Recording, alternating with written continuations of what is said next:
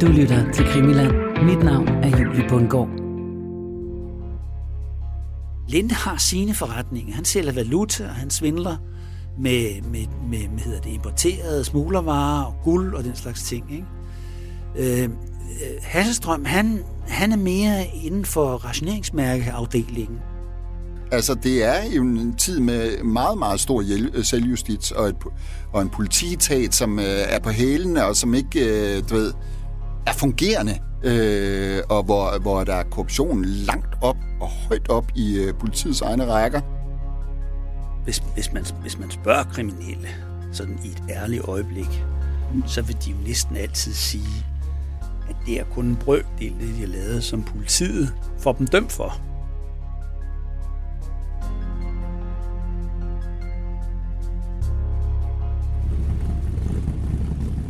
Sent om aftenen kører Johannes Linde rundt i sin Hudson-bil i København.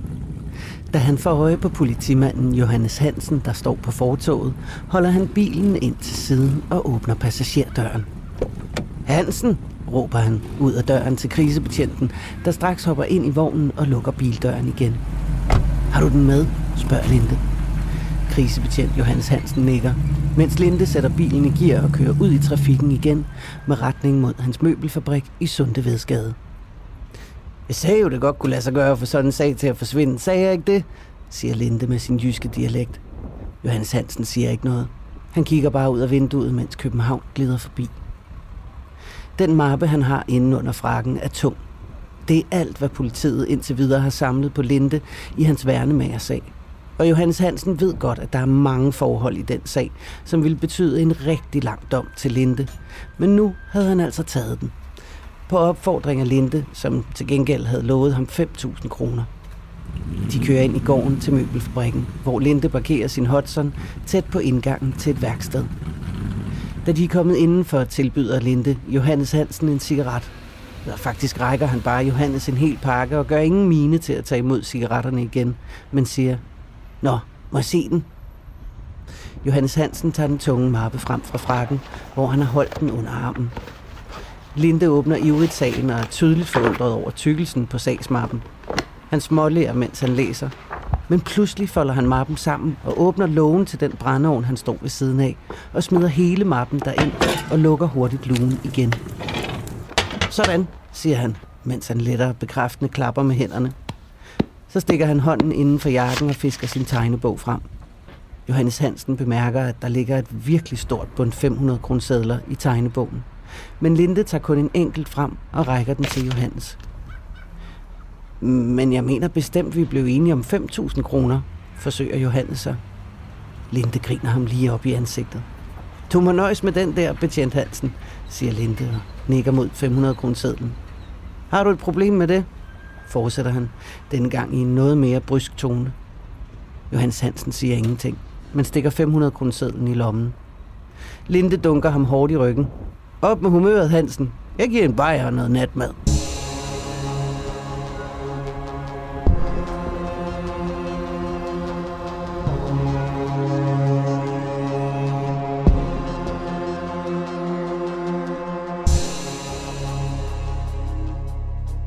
Velkommen til endnu en omgang Krimiland. Mit navn er Julie Bundgaard, og øh, i sidste uge af Æderkoppen og min morfar, der havde jeg besøg af forfatter Christine Jynk, som øh, kiggede forbi for at fortælle, hvordan hun har oplevet det at være i familie med en kriminel, som har været involveret i Æderkop-sagen. Det var i øh, afsnittet om det kriminelle politi, og øh, der kom jeg så også til at love, at vi i det her afsnit ville fokusere på den øh, korrupte krisebetjent Johannes Hansen, som du mødte her i begyndelsen af dagens afsnit, sammen med møbelhandler Johannes Linde. Men vi har altså valgt lige at vente en uges tid med krisebetjent Hansen, og i stedet for, så drejer vi fokus over på en af dem, der bestak politiet, nemlig den anden mand i vores historie, nemlig møbelhandler og sortbørshaj Johannes Linde der altså fik overtalt krisebetjent Johannes Hansen til at få en ret så omfattende værnemagersag til at forsvinde. En mand, som brugte uanede summer på at betale sig vej ud af uheldige situationer. En mand, som elskede at spille kort og som elskede at snyde selv sine gode venner. En mand, som egentlig tjente rigeligt på sine legale møbelbutikker og som faktisk gik for at være en del af det bedre borgerskab, men som var dybt kriminel, simpelthen fordi han ikke kunne stå for en god handel. En mand, som af mange blev anset for en lige så stor æderkop som Svend Åge Hasselstrøm. Og en mand, der muligvis også var involveret i spionage. Det her er syvende afsnit af Krimiland-serien Æderkoppen og min morfar.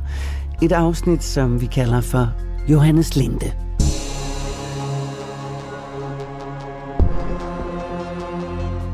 Som altid er det min glimrende guide ud i efterkrigstidens gangstermiljø, Christian Holtet, som gør os klogere på manden Johannes Christensen Linde der modsat sin gode ven Svend Åge Hasselstrøm absolut ikke havde det bedste ry i øh, den kriminelle underverden.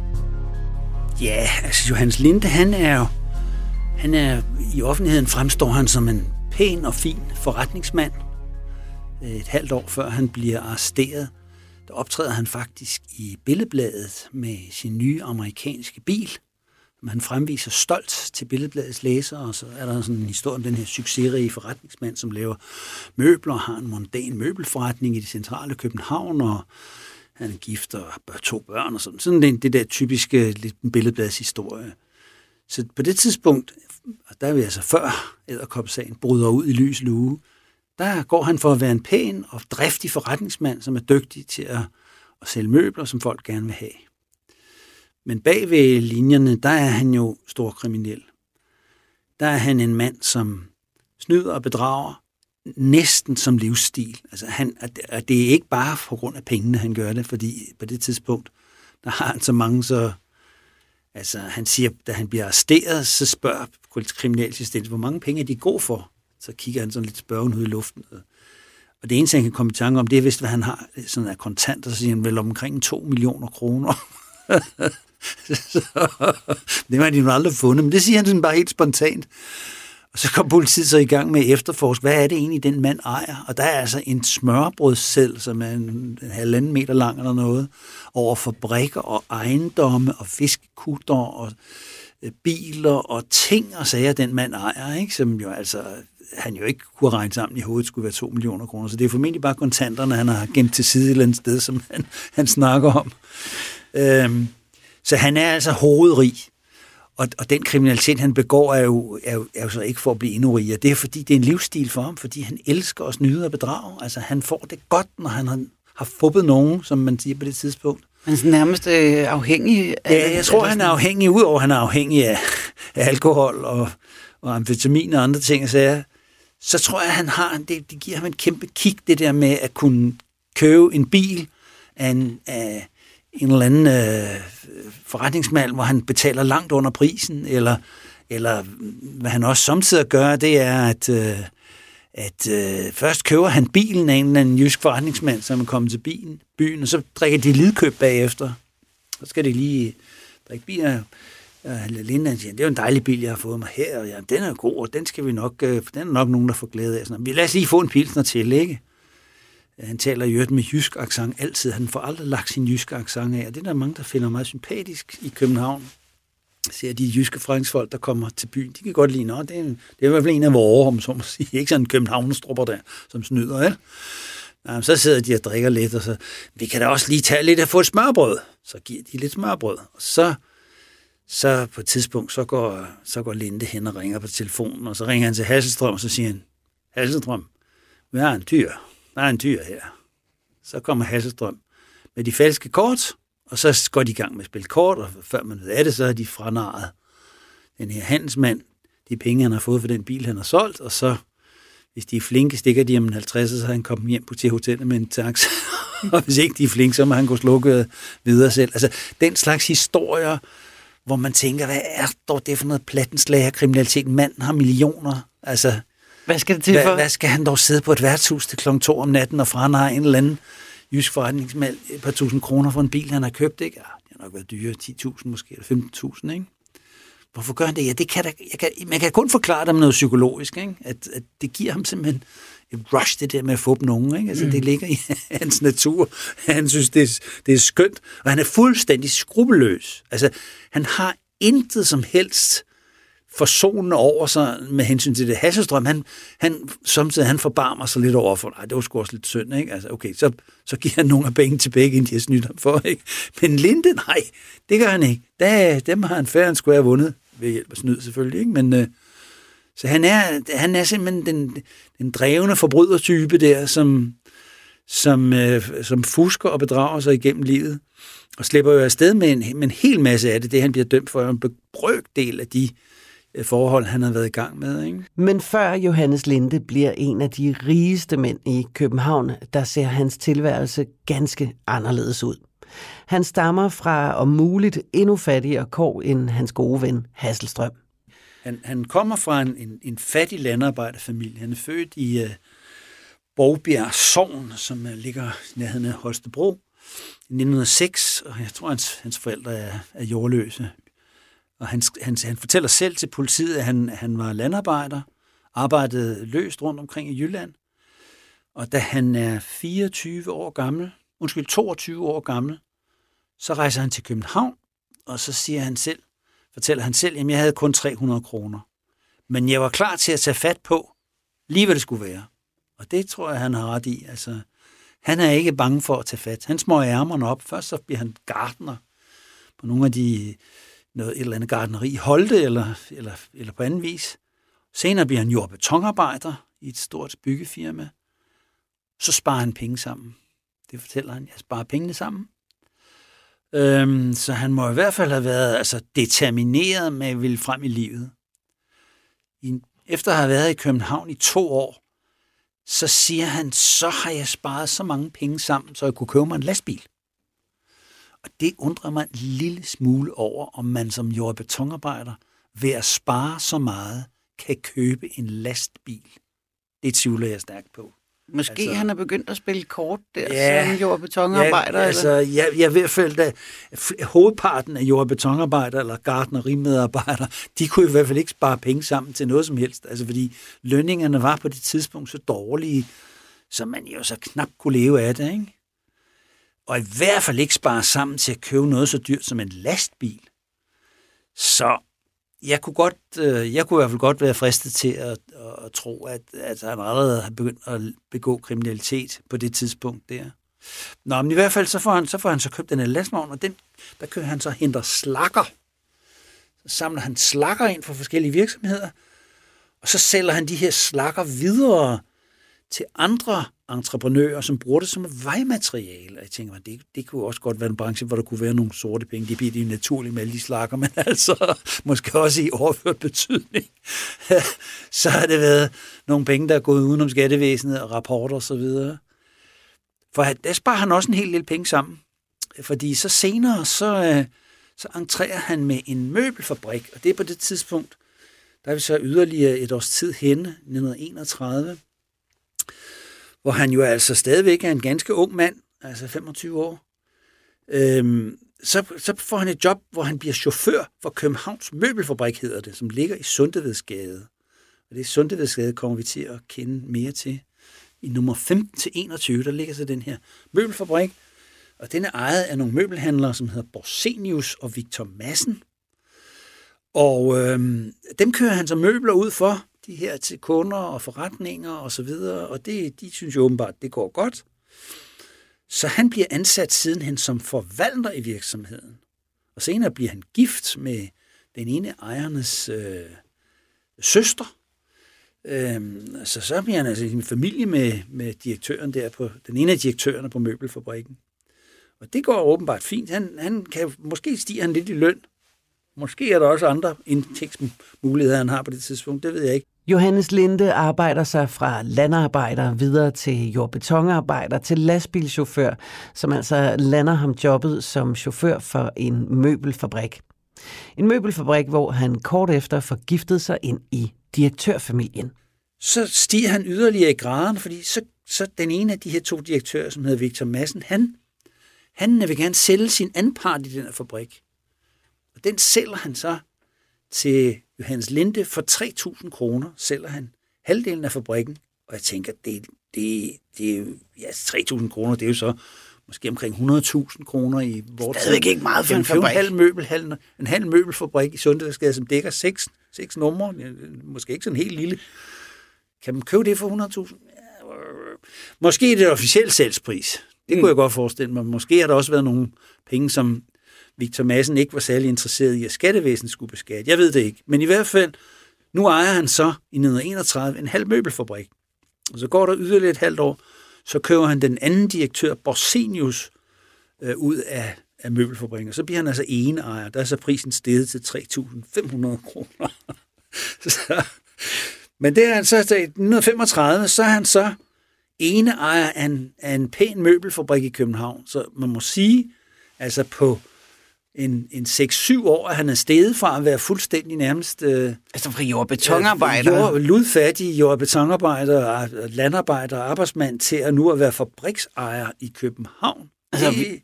det, er ikke nogen dårlig, øh, det er ikke nogen dårlig karriere. Vi snakker om en mand, der næsten kun kunne skrive sit eget navn, ikke? Altså, ja, det, det er du så også tvivl om, man kunne, ikke? Men altså, han kunne i hvert fald ikke skrive ret meget mere. Og læse var han heller ikke specielt god til. Men han har altid været god til at sætte folk i arbejde. Mm. Og, til at regne, tænker jeg også. Ja, han sikkert også kunne regne den ud, ja. Det vil jeg skyde på, at han kunne regne den ud i hovedet i hvert fald. Så, øhm, så, så får han så ansat sin bror, Masette hedder broren. Masette Linde, han kommer ind i virksomheden. Øhm, først som medarbejder, almindelig medarbejder, senere så bliver han så medindehaver af den her fabrik her, så han, som han så ejer sammen med sin bror. Og i virkeligheden så tror jeg, det så det er broren, Massette der, som mere eller mindre styrer den her fabrik som, som en slags værkfører eller, eller fabriksleder, ikke? Men på den måde, at de deler overskuddet, fortæller Linde. Så, så derfor han altså, øh, øh, tjener han på, på den her fabrik her. Så øh, sideløbende med det, så begynder han at handle med møbler selv. Altså nu så går han fra at være fabrikant til også at være detaljhandler, og han får så en møbelforretning i Dronningens Tværgade.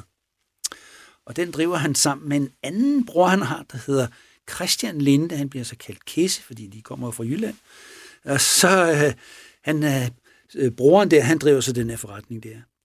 Og senere, så kommer han, øh, så udvider han så også øh, sine, øh, sine aktiviteter på den øh, side, som hedder noget med træet at gøre, og det kommer senere også til at spille en større rolle, fordi at øh, at han nemlig øh, indgår en forretningsforbindelse med nogle brødre, som hedder Larsen, som er et savværk i Saxkøbing. Og øh, så har han nogle forskellige økonomiske forretninger med dem, øh, hvor han investerer i noget af deres savværk dernede, og de hjælper så ham med at øh, blive partner i en ny, smart, moderne forretning, som ligger på Gamle Kongvej nummer 1, byens bohave, altså en pænt fashionabel adresse, Øh, Linde siger selv, vi skød 3.000 kroner hver ind, de her tre personer her. Men altså, efter et halvandet års tid, så køber Linde dem ud, og så er han så ene ejer af to møbelforretninger i København. En på Dronningens Tværgade og en på Gamle Kongevej. Og så går det ellers derud af med, med alle de her forskellige affærer, som han arbejder med. Han har en, øh, en sund og naturlig appetit på alt, hvad der har med handel at gøre.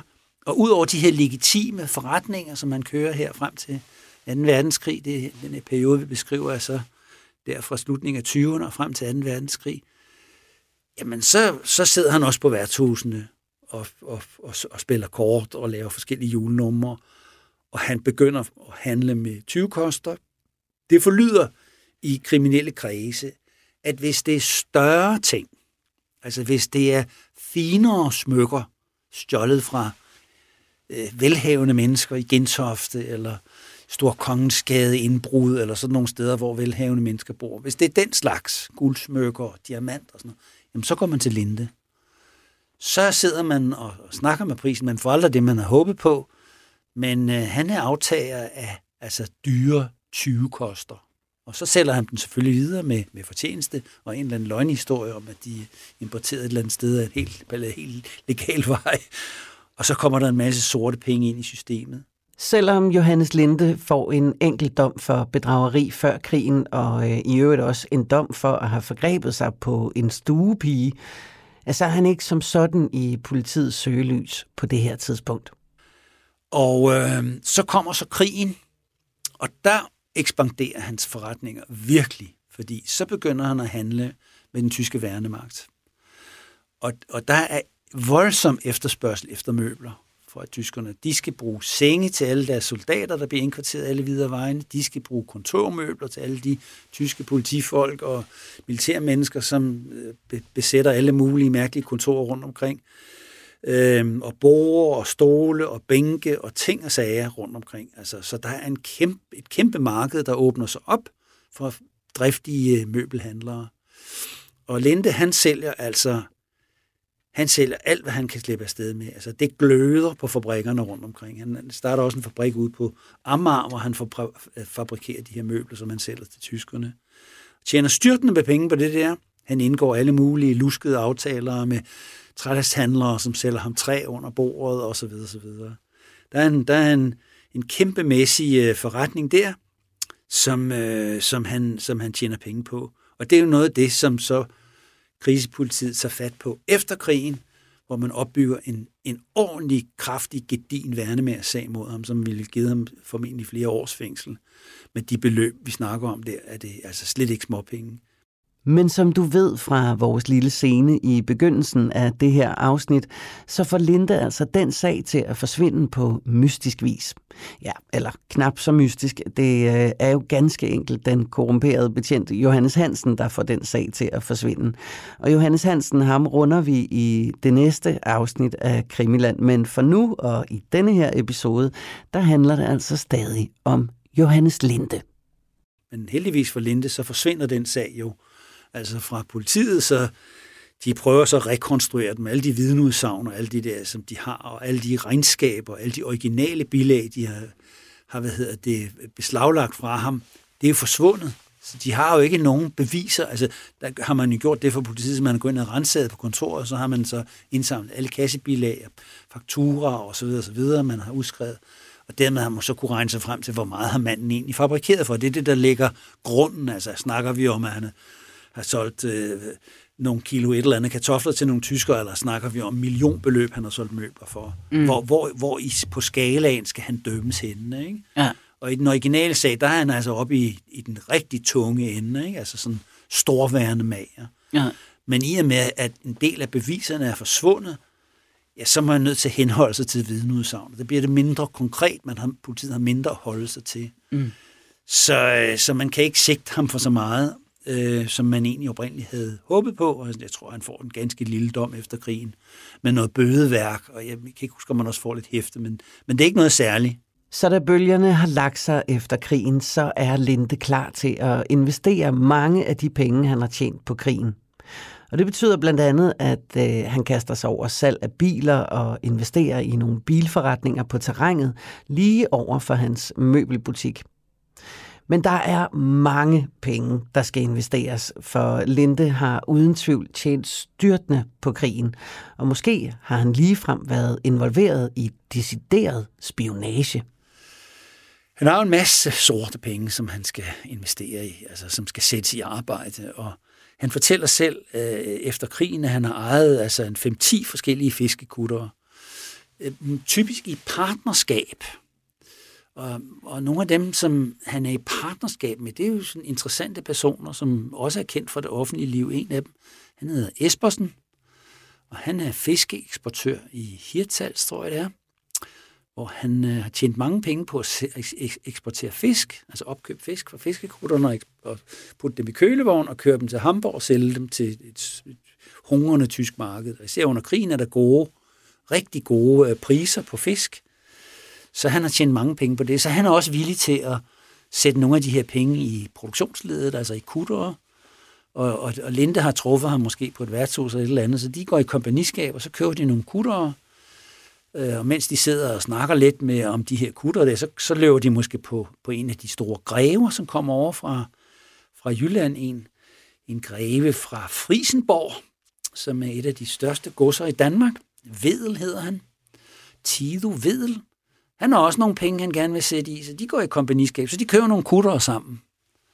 Øh, og det er, en god forretning under krigen, og det tjener man mange penge på. Og det er jo sådan set en fuldstændig legitim forretning at købe kuttere.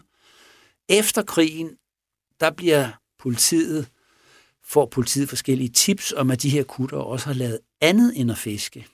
De, nogle af dem har været udstyret ifølge de øh, informanter, politiet har været udstyret med radiosendere, som er blevet placeret af det tyske Abwehr, altså tysk militær efterretningstjeneste, eller en gren af det. Øh, og de her, så de her øh, radiosendere, de er så øh, blevet placeret på de her kutter, så når kutterne så sejlede ud og fiske, så hvis de har set allierede skibstransporter eller konvoj eller noget, så de kunne rapportere tilbage via radiosenderne. Ja, vi har altså set fem, fem destroyer og et eller andet øh, tilbage til Hirtshals, og så, kan, så fra Hirtshals, så har der været radioforbindelse ned til Hamburg, eller hvor det nu har siddet et eller andet større tysk central, og så har man sådan ligesom kunnet danne sig et billede af, hvor er skiben henne, og hele det der militære efterretningsvæsen har, har selvfølgelig tjent med det formål, at man så kunne sende ubåde ud, eller koordinere, eller traditionelt, fuldstændig traditionelt efterretningsarbejde, men man har brug for alle mulige observatører alle mulige steder omkring. Det her mistænker politiet så, at der har været på nogle af de her kutter her. Altså, det, de simpelthen har hjulpet tyskerne på ja, den måde? Men, og der bliver, så, der bliver så sat en efterforskning i gang omkring det der. Men jeg tror aldrig, det lykkes politiet at finde nogle egentlige beviser for, at det er rigtigt. Altså, der er folk, der fortæller om det, og de, man kan se i, i Æderkop-sagen, der ligger der en række rapporter, hvor politiet altså udspørger fiskere og, og forskellige andre folk øh, på de jyske havne der, hvad, har der været noget omkring det der. Sådan, men jeg tror, at, at det, det er et tæt samfund, så jeg tror ikke, de får noget konkret. De får i hvert fald ikke nok til, at de kan egentlig lave en sag. Men jeg kan se, at, øh, at der er efterretningsfolk, som kommenterer. Samtidig sker der jo det, at de her forskellige tjenester udveksler papirer, og der er så øh, samtidig så kan man se, at der kommer kommentarer fra nogle, tilbage med nogle papirer, de har udlånt måske til nogle efterretningsfolk fra hæren, øh, der kan man se, at nogle af de der efterretningsfolk, de synes, at man måske godt kunne have gjort lidt mere ud af sagen, fordi de synes, at, at øh, der ikke er, man har ikke gået hårdt nok på efterforskningen. Men, men, så det bliver faktisk aldrig rejst nogen sag imod Linde for den slags ting. Men at, at, at han i hvert fald måske har øh, lavet værnemager arbejde i stor stil, det, det er i hvert fald uomtvisteligt, og der har politiet en sag, men som så bliver stjålet af Johannes Hansen der bliver brændt. Ikke? Og at han måske også har bedrevet spionage, det, det, det, er, som, det er så mere usikkert. Ikke? Mm. Men det tjenes der penge på, og efter krigen, der sælger han en del af de her kuttere her, og så begiver han sig over i sådan en traditionel form for, hvad hedder det, altså pengeanbringelse. Han køber ejendomme, han køber flere ejendomme på Gamle Kongevej. Han har den, dels den ejendom, hvor han har sin øh, møbelhandler, hvor han tror, han leger sig ind, men, men, men længere nede, der, der køber han en ejendom, hvor han bor. Nummer 23, tror jeg det er, den hedder. Der bor han, den ejer han. Så køber han nogle villager ude i Svanemøllekvarteret, nogle af de der meget, meget store, fine villager, sådan pengeindbringelse, som han så leger ud. Har dem en stykke tid, Senere sælger han dem videre. Han har blandt andet en meget fin villa på Hambros Allé nummer 12, hvor han, som han køber for 260.000, skriver han så. Men den ejer han ikke i så forfærdelig lang tid, så sælger han den videre til den polske ambassadør. Så den polske ambassadør som jo åbenbart er en kommunist på det tidspunkt, han skal, selvom han er en af kammeraterne, så skal han selvfølgelig bo ordentligt i en million villa på Hambros Allé. Vi snakker villaer på den vej der, der koster altså omkring 20-30 millioner i dag. I dag er det sådan noget, nu kan man så ikke helt gange om, det har også været dyrt dengang. Ja. Han har også en, uh, kort uh, tidspunkt, har han en villa, som senere er blevet, det er sikkert overgået her, men på et tidspunkt var den Danmarks dyreste villa på Richelieus Allé direkte udsigt til Øresund. Den ejer han en periode. Så, men det er alt sammen noget, han køber, har i en periode og sælger videre med fortjeneste. Så en dygtig handelsmand, og det er fuldstændig legitimt og så videre. Ikke? Øhm, men nogle af dem, de, der indgår der forskellige byttehandler, altså, som er meget komplicerede handler. Altså, der er en villa, som han ejer på Svanemøllevej, nummer 77, den ejer han. Og der bliver, ind, der, der, bliver, der bliver man, laver man en byttehandel, hvor der indgår nogle fiskekutter og og nogle biler og nogle andre ejendomme, og et jagtterræn, og altså et sommerhus sågar også. der, der er en lang beskrivelse af den der indviklede handel. Der, altså, der er altså ham og sælgerne, det er altså blevet nogle ting, der er gået frem og tilbage over bordet her for at udligne det her salg med den her villa på Svanemøllevej, som formentlig også er en ordentlig stor klods af et hus. Der er en køreskole, barberforretning, landejendom ude i Tornby, 30, 30 tønder land på Amager, trikotageforretning på Gamle Kongevej, men at han har været en uhyre velhavende mand, altså efter datiden og vores tids øh, begreber, det er der formentlig ingen tvivl om. Og en del af de penge, mange af de penge, de er kommet ved ulovlige handler. Udover de her fiskekutter, som måske spionerer, så er der talrige vidneudsagn, som fortæller om, at Linde handler med møbelstoffer og klædestoffer og sælger det til tysk, den tyske værnemagt, men også andre møbelhandlere. Øh, vrøvl, ja, både møbelhandlere, men, men hvad hedder det, også øh, altså, manufakturhandlere og klæde, hvad hedder sådan, klædefabrikanter og magasiner, som, som, øh, som laver habiter og sådan noget. Det er meget vanskeligt at få fat i, i, i gode kvalitetsstoffer under krigen. Og, og meget af det her, det, øh, det, det, det bliver smuglet ind og Lindan har et par hurtiggående motorbåde, som sejler over. Og det er også en, en forretning, han kører efter krigen. Der bliver altså losset noget af de her kampgarnstoffer her, som noget af det bliver købt legalt i Sverige, og noget af det bliver simpelthen stjålet fra svenske lagere. Der han, får han folk i, i Sverige til at stjæle ting og sager. Der er mange afhøringsrapporter, hvor politiet afhører svenske indbrudstyve, og for svensk politi, og det er ikke dansk politi, men altså for svensk politi til at afhøre svenske indbrudstyve, og folk, der har bemandet de her både og sejler de her stoffer over Øresund. Og så på den danske side, så er der danske øh, folk, som fortæller politiet om, hvordan de bliver solgt til tyskerne, og, og hvad hedder det, til danske fabrikker og danske virksomheder, som har brug for det der. Det tjener han rigtig, rigtig, rigtig mange på, penge på. Og hele det her smugler, den her smuglerforretning, den starter mest med de her klædestoffer der, men, men det er jo også andre ting, man kan smule ind. Og politiet går meget op i efter krigen øh, og i forbindelse med æderkopssagen, at prøve at finde ud af, hvem er det, der smuler alt det her guld ind i Danmark. Fordi at der kommer en forfærdelig masse guld, som bliver importeret til Danmark, og som bliver solgt i kriminelle kredse, folk, der gerne vil anbringe deres penge i nogle faste værdier, eller til under krigen er det under til den tyske værnemagt. Hvem er det, der smuler det ind?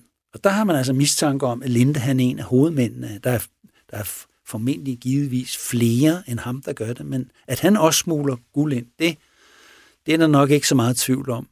Og det bliver så solgt med fortjeneste. Man kan købe det i Sverige billigt, og så kan man sælge det med en ordentlig kraftig fortjeneste i Danmark. Og så kan man tjene penge på den måde der. Efter krigen, der, der, går, der bliver smuglervarerne ægte tæpper og cigaretter. Øh, der er ægte tæpper, pludselig en hot, hot vare efter krigen. Der vil folk gerne have sådan nogle tæpper, der er produceret i Iran, som der ikke er nok af i Danmark i hvert fald, ifølge efterspørgselen.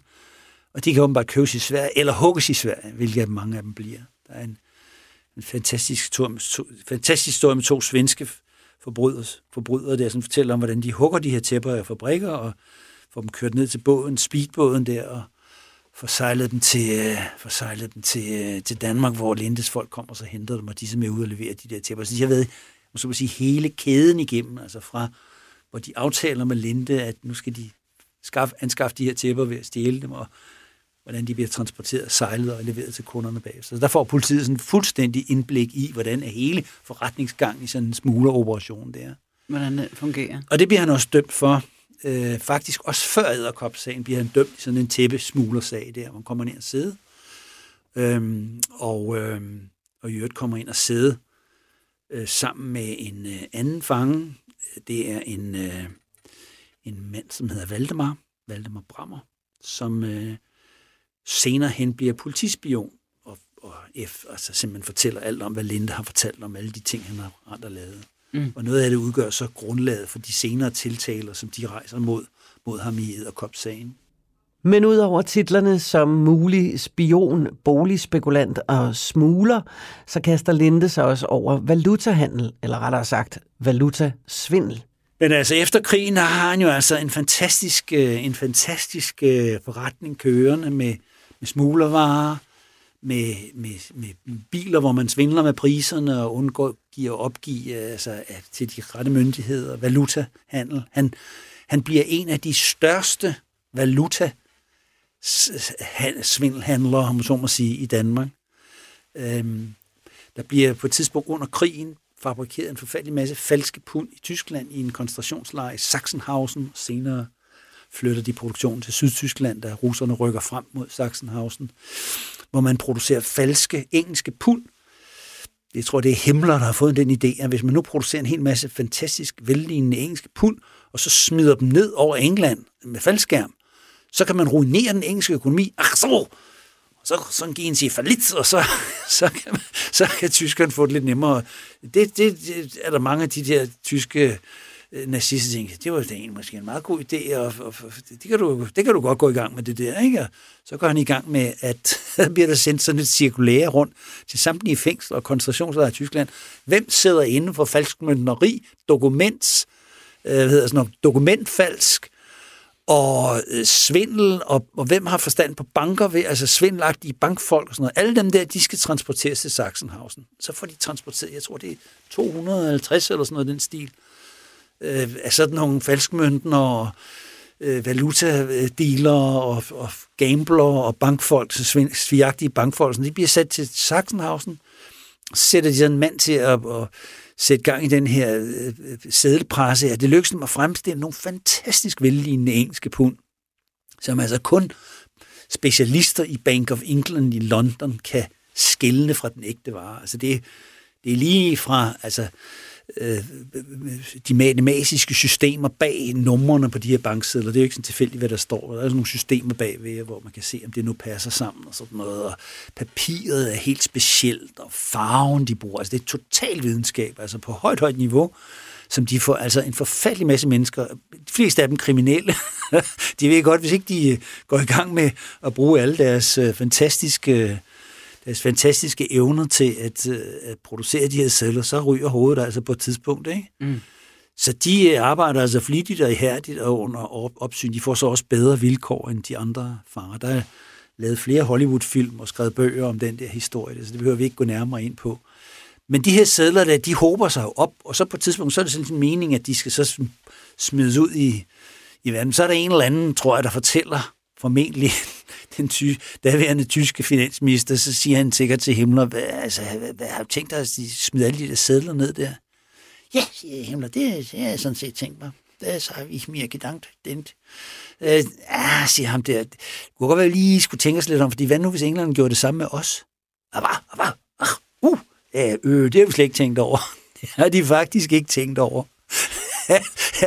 hvis tyskerne distribuerer milliarder af pund i England, om så englænderne kunne finde på at gøre det samme, så vil man jo være elendigt stillet, ikke?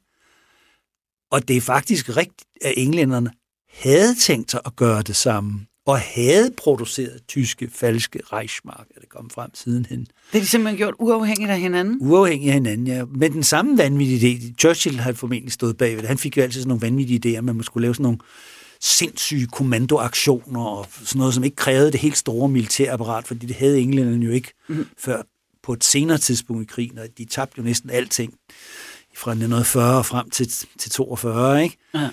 Så i den periode, at Churchill han levede forgæves efter et eller andet, hvor man kunne få en succes. Det var jo så også på et tidspunkt, fik en idé. Vi kunne også trykke nogle falske tyske Reichsmark der, så på en eller anden måde ravage i det.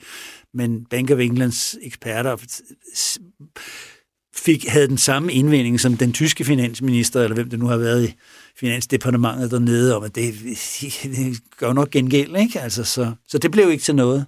Og så ligger de her gigantiske mængder af forfalskede tyske pund, i øvrigt også dollars, øhm, som de producerer senere, men det er altså efter, de har taget beslutning om, de skal ikke diskutere, men hvad skal man så gøre med dem?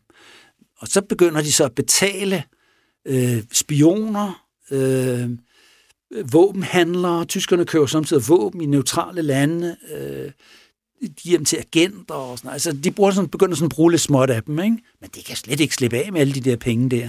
Så, så finder de frem til, vi må, vi må, lave, vi må, have, en, vi må have en, en forretningsplan. Så får de hyret en, uh, for de hyrede en, øh, en, en, en meget dygtig øh, tysk finansmand, som har arbejdet i USA. Det kan være, at vi kan fortælle den længere historie, historie længere på et tidspunkt, i længere uddrag, fordi den her aldrig nogensinde kom frem øhm, offentligt, hvad der egentlig sker bag linjerne der. Men de får altså sådan i grov træk, fordi øh, lavede en finansmand, og han, han, han, så, han laver de sådan en deal med ham om, at han skal distribuere de her pund her, så skal han købe faste værdier. Han skal købe guld, ædelstene, møbler, øh, fine ting, særlige våben osv., som så skal overgå til værnemagten eller SS, øh, og så kan han få en kommission. Og jeg nu kan ikke lige huske i hovedet, hvor meget hans kommission er. Jeg tror, det er 30 procent, han får i kommission. Det kan han så tage til sig selv. Og han sætter sig i gang med et kæmpe netværk af agenter, der går ud og køber ting op for de her falske pund. Det er jo så ikke kendt på det tidspunkt under krigen, at de er falske. Så de køber altså løs. Og en af agenterne, han er dansker. Og han er faktisk, får faktisk en fremtrædende plads i det her distribution. Den her tyske franskmand, han har agenter i en række lande herunder Danmark. Og den her unge mand her, han stiger op i graden, han bliver udstyret med tusindvis af de her pund her. Og dem begynder han så at sælge til franskmænd, og en af dem, der har penge på lommen, det er Linde. Så Linde, han køber tusindvis af engelske pund. Og om han ved, de er falske, det, det gør han nok ikke i starten, og det ved den, den danske agent, han ved det formentlig heller ikke. Altså, fordi det har tyskerne ikke fortalt deres agenter. De har sagt, det er nogen, vi har hugget fra englænderne, eller det er nogen faldskabsfolk har haft med sig, og så har vi konfiskeret dem, eller der, det er nogen, vi har haft til overs fra forhandlinger fra før krigen, og de har finder på mange løgnhistorier, ikke? Og, øh, og den der danske agent, han sælger til de her pund her, og siger, altså, og jeg tager lidt overpris for dem, fordi at, at der går en krone for hver pund til modstandsbevægelsen. det er så bare løgn, ikke? Men, altså, Men det lyder godt. Det lyder godt, ja. Og der er også en historie med, at de, de er kommet med engelske faldskabsfolk og sådan noget, altså, som har haft med, og det er forfærdeligt med en løgnhistorie. Men jeg tror ikke, de ved, at de er falske. Det er først på et senere tidspunkt. Mm. Og det er først efter krigen. Men så under krigen her, i slutningen af krigen, der, der fra 43 frem, der bliver Linde stor sælger af engelske pund. Og så kan man diskutere, hvad skal danskere bruge engelske pund til under krigen? Men der kan altså handles med engelske pund stadigvæk. Og man kan købe ting i Sverige, og man kan sende agenter til Sverige, og man kan oplære dem til, til senere brug måske. Mm. Jeg er ikke helt klar over, hvorfor de er så interesserede i de engelske pund, men det er de altså. De går som varmt brød, så, så Linde han tjener mange penge på det der. Øhm, så han er også en af de største valutasvindlere, om man så må sige, i formentlig i Danmarks historie, han den, der har solgt flest penge, øh, valuta under, falsk under bordet. Men hvad er det så, der sker? Altså, der, hvornår møder Linde og Hasselstrøm hinanden? Og et eller andet sted tænker jeg, at de burde vel egentlig være en slags konkurrenter ja. til at starte med, men de bliver jo rigtig tætte samarbejdspartnere. Altså, de er ikke konkurrenter under krigen. De, de, de har hver deres forretningsområde. Jeg ved ikke, om, de, om det, det, det har været noget, der har været aftalt. Det tvivler jeg på, men, men, men uh, Linde har sine forretninger. Han sælger valuta, og han svindler med, med, med, med hedder det, importerede smuglervarer og guld og den slags ting. Ikke?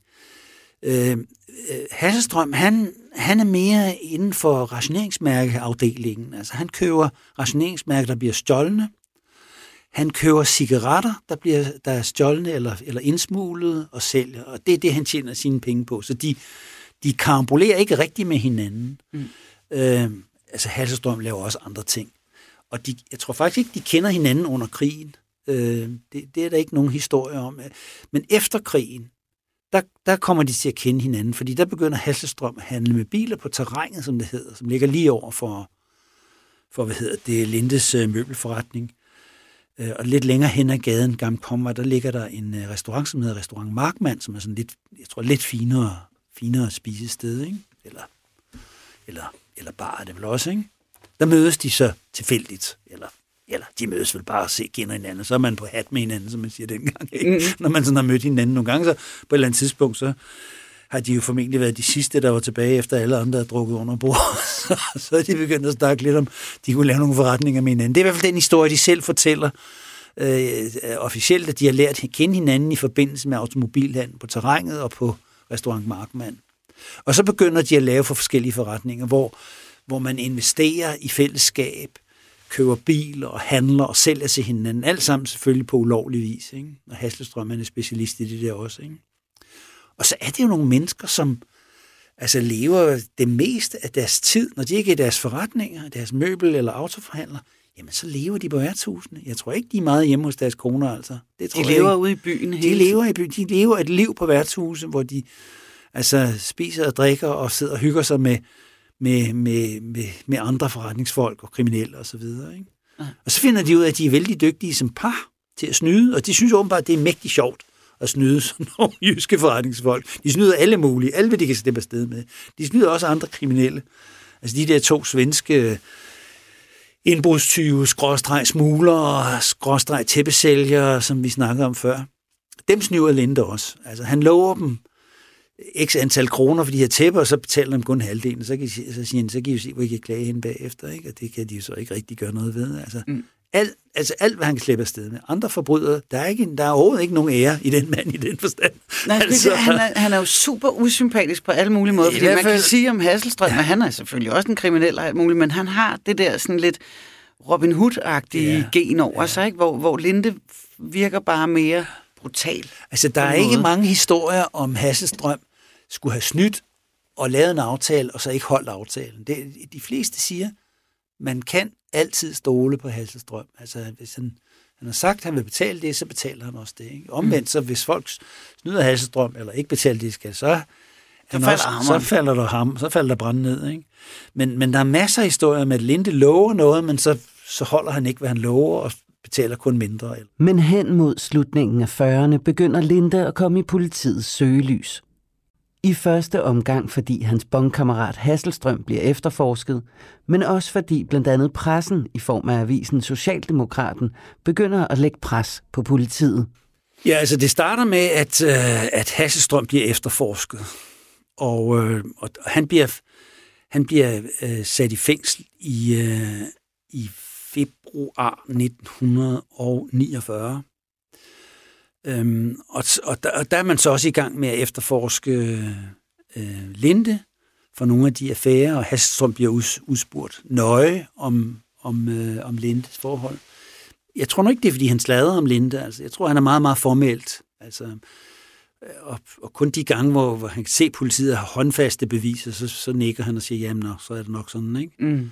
Men jeg tror ikke, han sådan decideret forsøger at sladre over for politiet for, for altså, for at få lidt, en lidt bedre behandling af politiet. Det, det har jeg ikke indtryk af, når mm. man læser øh, sagerne der. Men, men de har altså, der kommer altså en stribe sager, og der er en masse af andre forbrydere, som gerne vil tale om Linde. Og, og en hel af dem, han har snydt, mm. de, vil gerne, de vil gerne fortælle politiet. Det er, altså den ene hjertevridende historie efter den anden om jyske forretningsfolk, som fortæller, hvordan de er blevet svindlet i, altså fra nærmest, så de kun havde underbukser på, ikke? Ja øh, og hvordan han har gjort det. Ikke?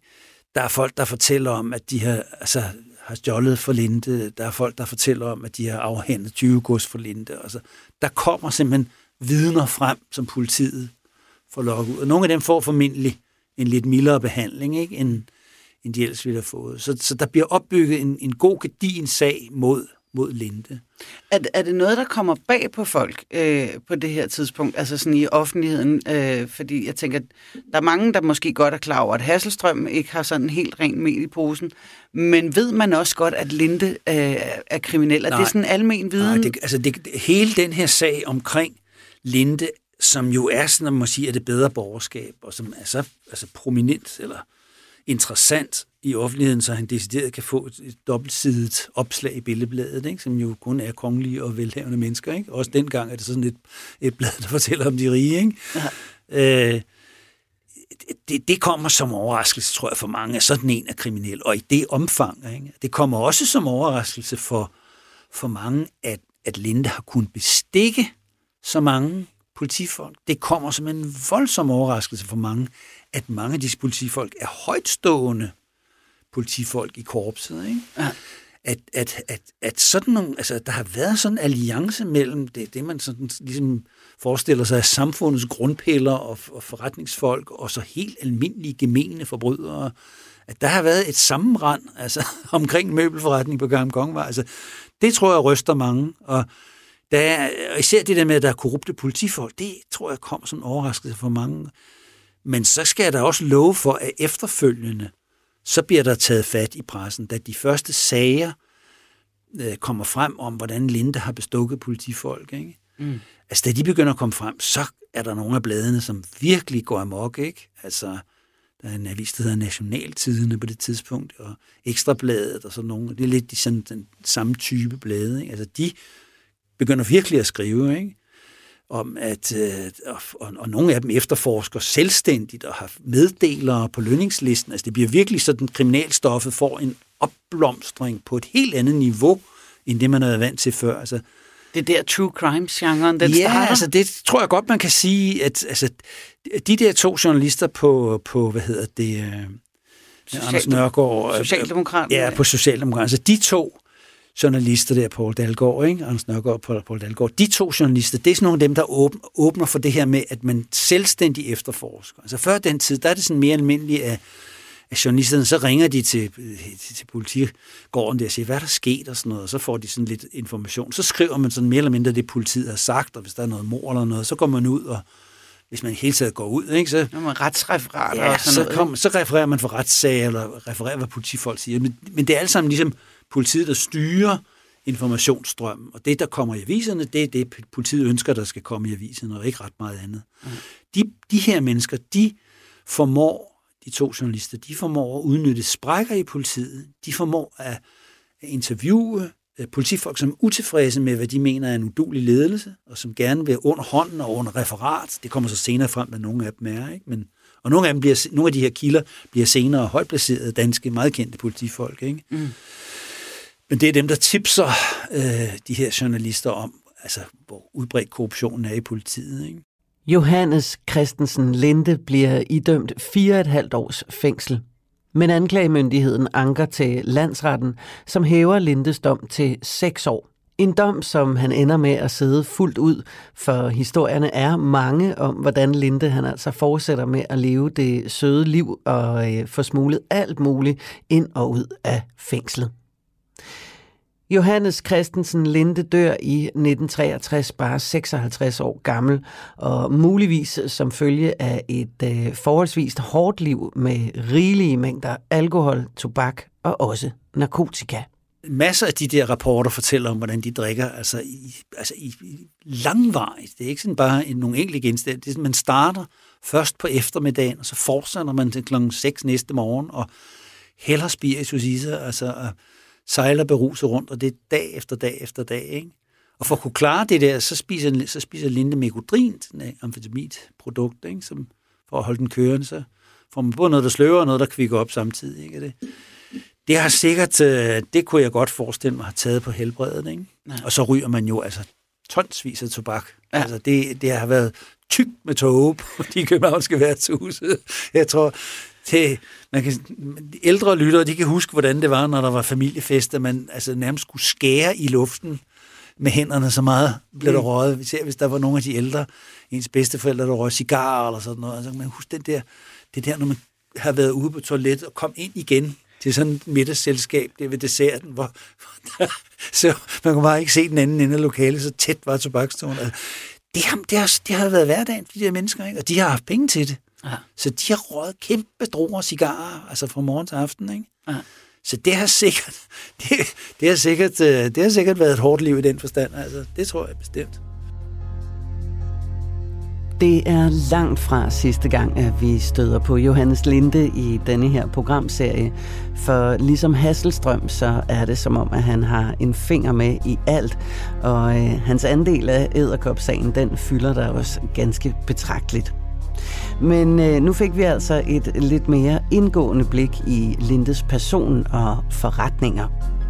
I næste afsnit, der kigger vi så på den mand, der fik Lindes værnemagersag til at forsvinde, nemlig krisebetjent Johannes Linde. En politimand, der både var en del af modstandsbevægelsen og krisepolitiet, men som også var kriminel. Men i hvert fald Karl Madsen og Johannes Hansen de bliver desillusioneret formentlig også andre af deres kollegaer, som arbejder med det der, siger, hvorfor, hvorfor skal vi gå og knalde små grosserer, som har selv en, sådan en lille smule øh, øh, til tyskerne, og så den allerstørste værnemær virksomhed i Danmark, de, der henlægger man sagen. Det er jo da, det er jo da helt absurd, ikke? Og det, det er noget af det, som Johannes Hansen angiver, som, jeg skal vil sige, noget af det, som er med til at motivere, at han så synes, at så kan det være det samme, og så kan jeg altså også lave nogle lovligheder. Ikke? Det var alt, hvad vi havde til dig i det her afsnit af Krimiland-serien Æderkoppen og Min Morfar. Hvis du først lige er stødt til programserien her, så øh, kan jeg kun anbefale dig at gå ind i Radio 4's app og gå tilbage og øh, starte med afsnit 1. Du kan også melde dig ind i vores Facebook-gruppe, der bare hedder Krimiland inde på Facebook. Og endelig så kan du skrive til os på adressen krimiland 4dk Mit navn er Julie Bundgaard. Jeg er vært her på Krimiland, og jeg har tilrettelagt serien sammen med Frederik Holst. Og programmet er produceret af Wingman Media for Radio 4. Jeg håber, at øh, du vil lytte med i næste afsnit. Tak for i dag.